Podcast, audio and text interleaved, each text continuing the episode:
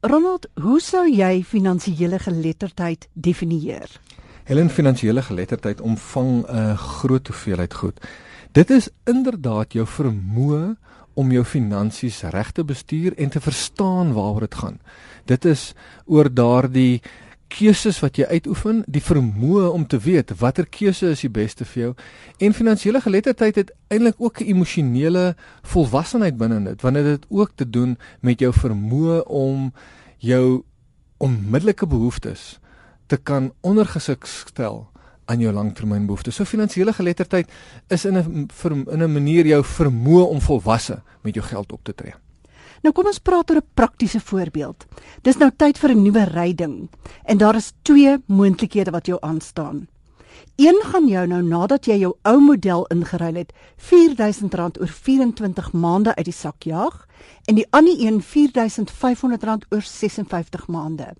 Nou die keuse is nou maklik want nommer 2 kos net R500 'n maand meer en die spogwaarde vergelyk nie eers met nommer 1 nie. Hoe dink jy daaroor? Wel, Helen, dit is hoe jy karko benader dan dan het ons 'n klein bietjie van 'n probleem met jou finansiële geletterdheid. Ehm um, die die probleem hier is dat jy kyk vas in hoeveel dit jou per maand gaan kos en jy maak nie die hele som nie.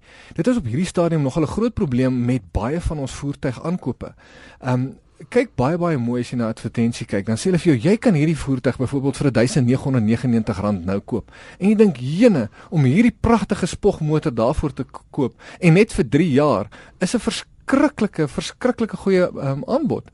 Maar as jy dan na die fynskrif kyk, sal jy sien dat aan die einde van daai termyn skuld jy nog 45% op daardie voertuig wat jy moet betaal. En dit is waaroor dit hier gaan. Jy moet kyk na die termyn van die afkoop van daardie ding. Jy moet gaan sê luister nie, maar in hierdie geval van jou byvoorbeeld is die verskil 156 000 rand.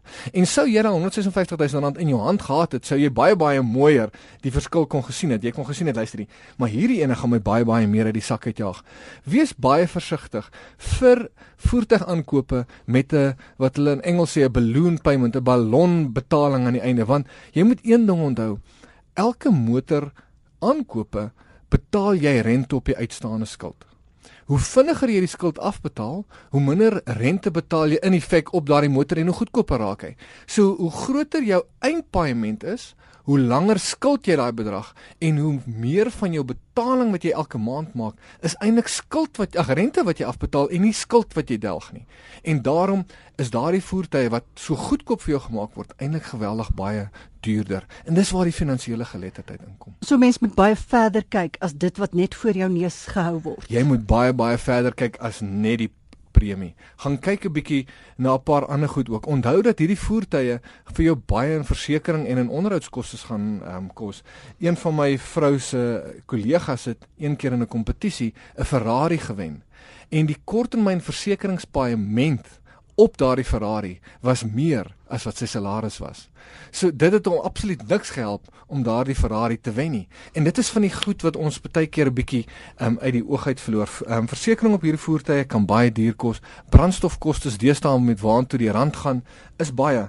So vra jouself die vraag af: Eerstens, het ek 'n nuwe motor nodig? Tweedens, watter motor kan ek bekostig? Derdens, oor hoe termyn kan ek hom afbetaal? En asseblief werk dan daai afbetaling uit dat aan die einde van die termyn hele skuld afgelos is. En 'n R100 'n maand kan 'n groot verskil maak op die spoed waarmee jy daardie motor afbetaal.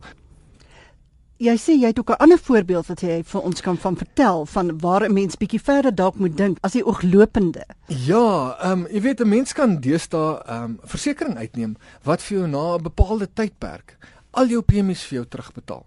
Nou Dit klink baie wonderlik. Ek meen ek sou dit geniet om al my premies op my polisse terug te kry.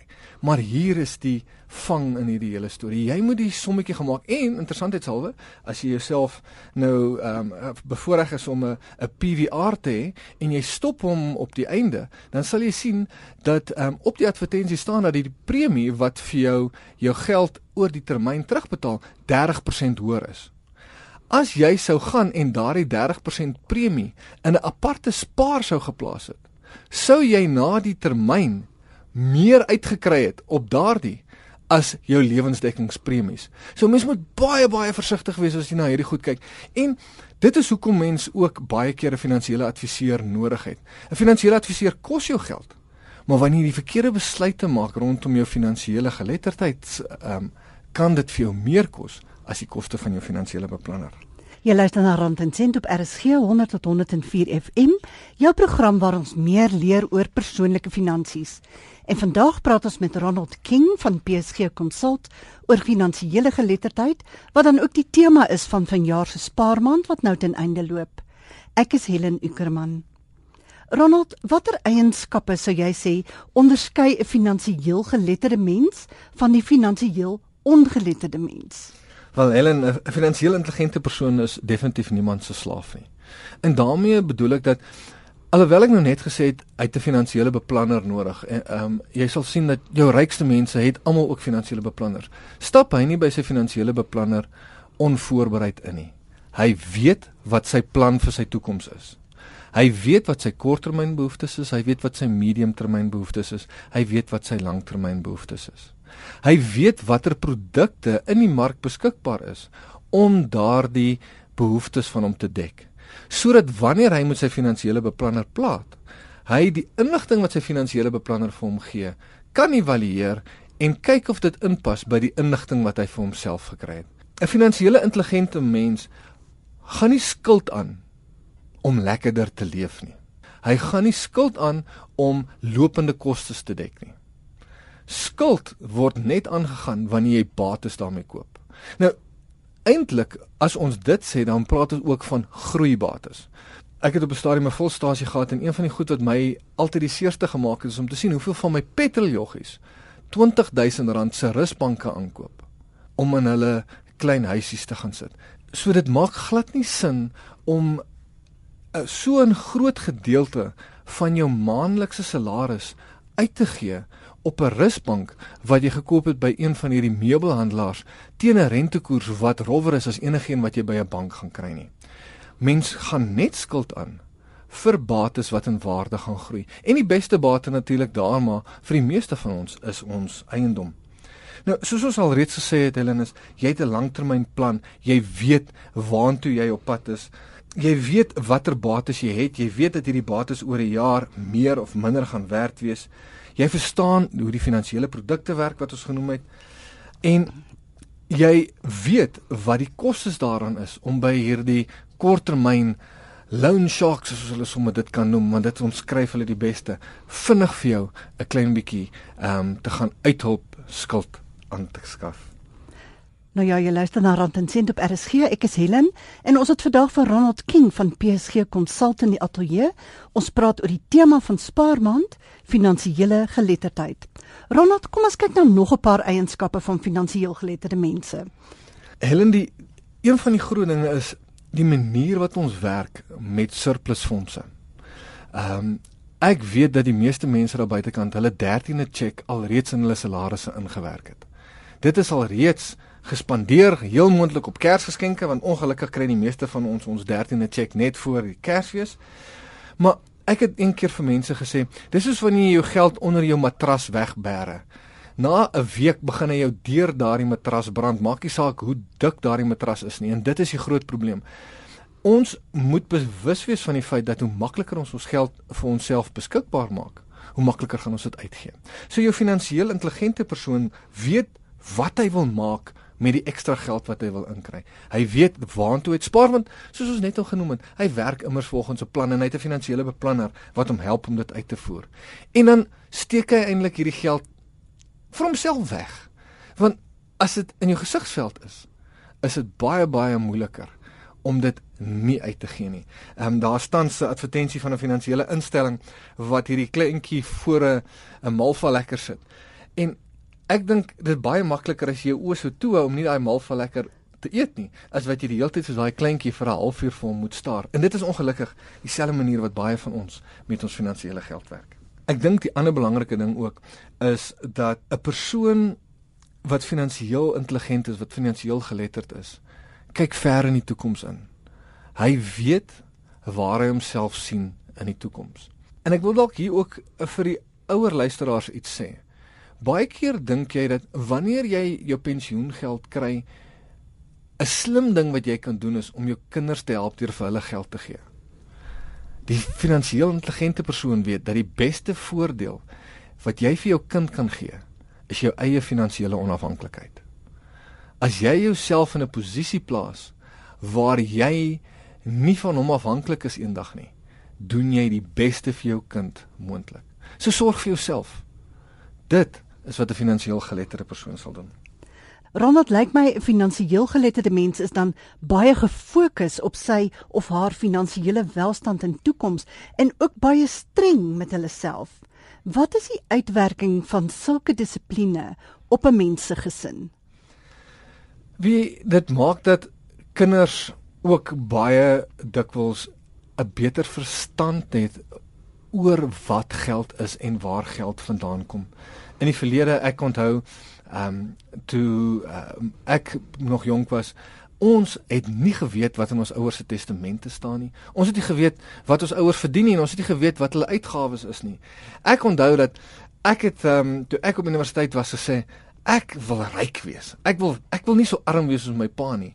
Ek wil R6000 'n maand verdien.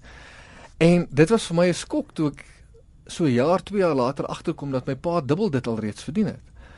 En ek het net besef dat ek het glad nie 'n sin vir wat geld was en wat lewenstyl kos nie. So 'n mens se gesin moet deel wees van jou finansiële beplanning. Hulle moet weet wat die plan is, hulle moet weet waarom alles daar is.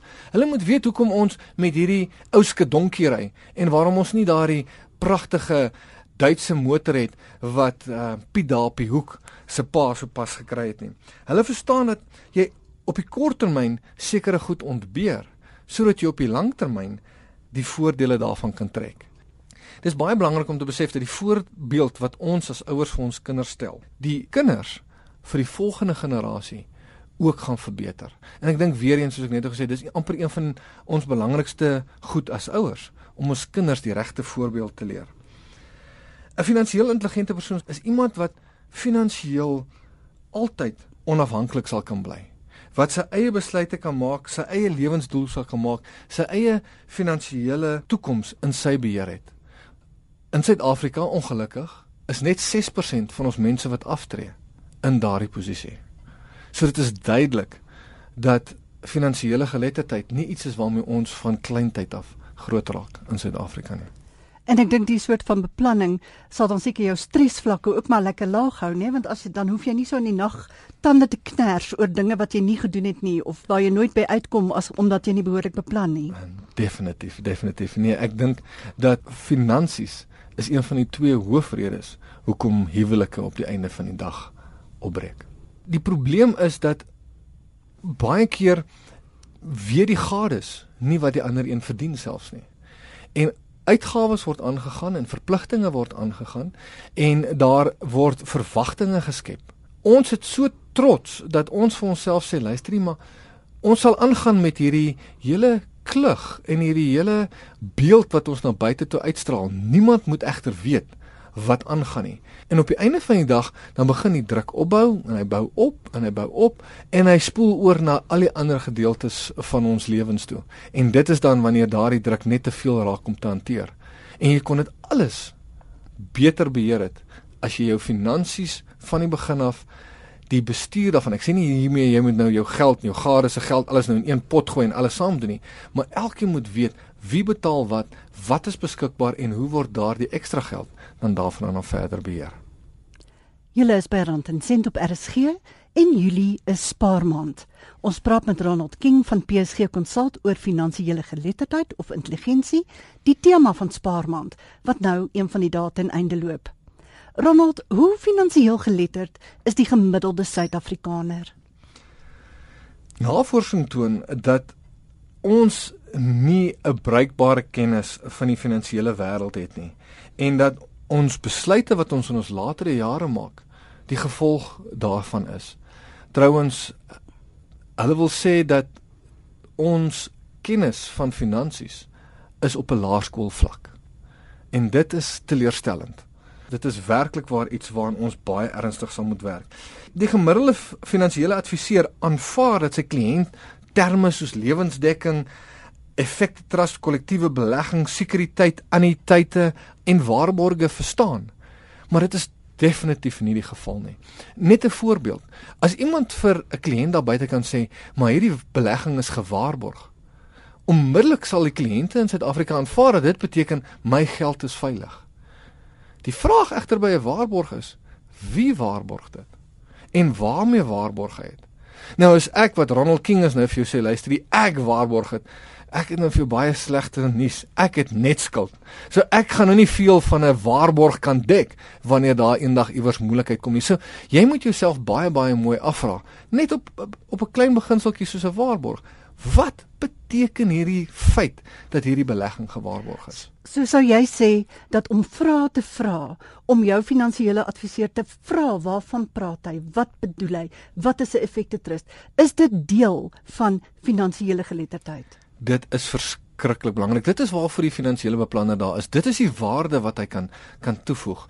Um as jy met 'n finansiële beplanner praat, hy moet eintlik vir jou sê, luister, ons moet dit en dit en dit doen Dit beteken ek, ek hou daarvan as as die finansiële beplanners aan hulle kliënte sê dit beteken want dan verduidelik dit en as jy as kliënt nie verstaan nie, vra. Onthou een baie belangrike ding van enige finansiële transaksie wat jy doen. Jy werk met jou geld. Nie met die finansiële beplanner se geld nie. Nie met die bank se geld nie. Dis jou geld. Jy vra totdat jy verstaan en totdat jy tevrede is. En totdat jy tevrede is. Ronald, wat van finansiëel geletterde mense en skuld? Het hulle 'n ander manier om daarna te kyk as mense wat minder finansiëel intelligent dink? Finansiële intelligente persone weet hoeveel skuld hulle kan hanteer. Die eerste belangrike ding, jy kan nie skuld aangaan om jou lopende uitgawes te dek nie. As jy R10000 'n maand verdien en jy gaan leen R5000 'n maand, dan verdien jy nie nou skielik R15000 'n maand nie. Trouwens, jy gaan eintlik nou net R9000 'n maand verdien, want R1000 van jou inkomste moet nou skielik gedra gebruik word om die rente op daardie R5000 te dek. So wees bewus van die feit dat om lopende uitgawes met skuld te dek is absoluut onaanvaarbaar. Wanneer dit kom by skuld om groeibates te koop, moet jy ook baie baie mooi gaan bereken of jy die maandelikse premie kan betaal. Weereens ons sit vandag met 'n situasie waar rentekoerse op hulle absolute minimum is. En as jy nou jou sommetjies gaan maak met rentekoerse op 'n 8, 9 of selfs 'n 10%, kan jy inwees vir 'n groot skok as hierdie rentekoerse dalk weer by 13, selfs 'n 15% uitkom. Baie van ons kan dalk nog onthou nie te lank gelede nie, ons praat van so 7, 8, 9 jaar gelede was rentekoerse 22%. So wanneer jy kyk na hoeveel jy kan bekostig, doen dit op 'n rentekoers van 15%. Daar's so 'n klein reeltjie wat hulle sê as jy nog onder die ouderdom is van 55, so hier van 30 tot 55 af, dan kan jy 2 jaar se bruto inkomste as skuld aangaan. So as jy 200 000 rand 'n jaar verdien, dan kan jy vir jou so 400 000 rand se skuld oploop. Hier van 55 af moet jy begin om hierdie skuld af te werk na so 200 000 een keer jou jaar se inkomste en wanneer jy by 65 kom, behoort al jou skuld afgelos te wees want dit kan 'n baie baie groot impak hê op hoe jy na aftrede lewe. En dis natuurlik een van die groot probleme met ons nuwe fleksieskuld wat ons so maklik by die bank kry. Elke keer wanneer ons 'n bietjie geld nodig het, dan gaan leen ons dit weer. En dis nie soos in die ou tyd wat jy oor 'n 20 jaar jou huisverband afbetaal nie. Die hoeveelheid mense wat nou op 65 aftree en hulle pensioengeld moet gebruik om hulle skuld af te los, is ongelukkig skrikwekkend. Onthou een ding Jou pensioengeld is daarom vir jou 'n inkomste na aftrede te gee. Nie om jou skuld wat jy aangegaan het voor aftrede te finansier nie. En natuurlik 'n finansiëel geletterde persoon sou hierdie probleme sien aankom het. Jy sou definitief daardie aspekte lank voor die tyd alreeds aangespreek het. Ronald, ons het 'n paar minute oor.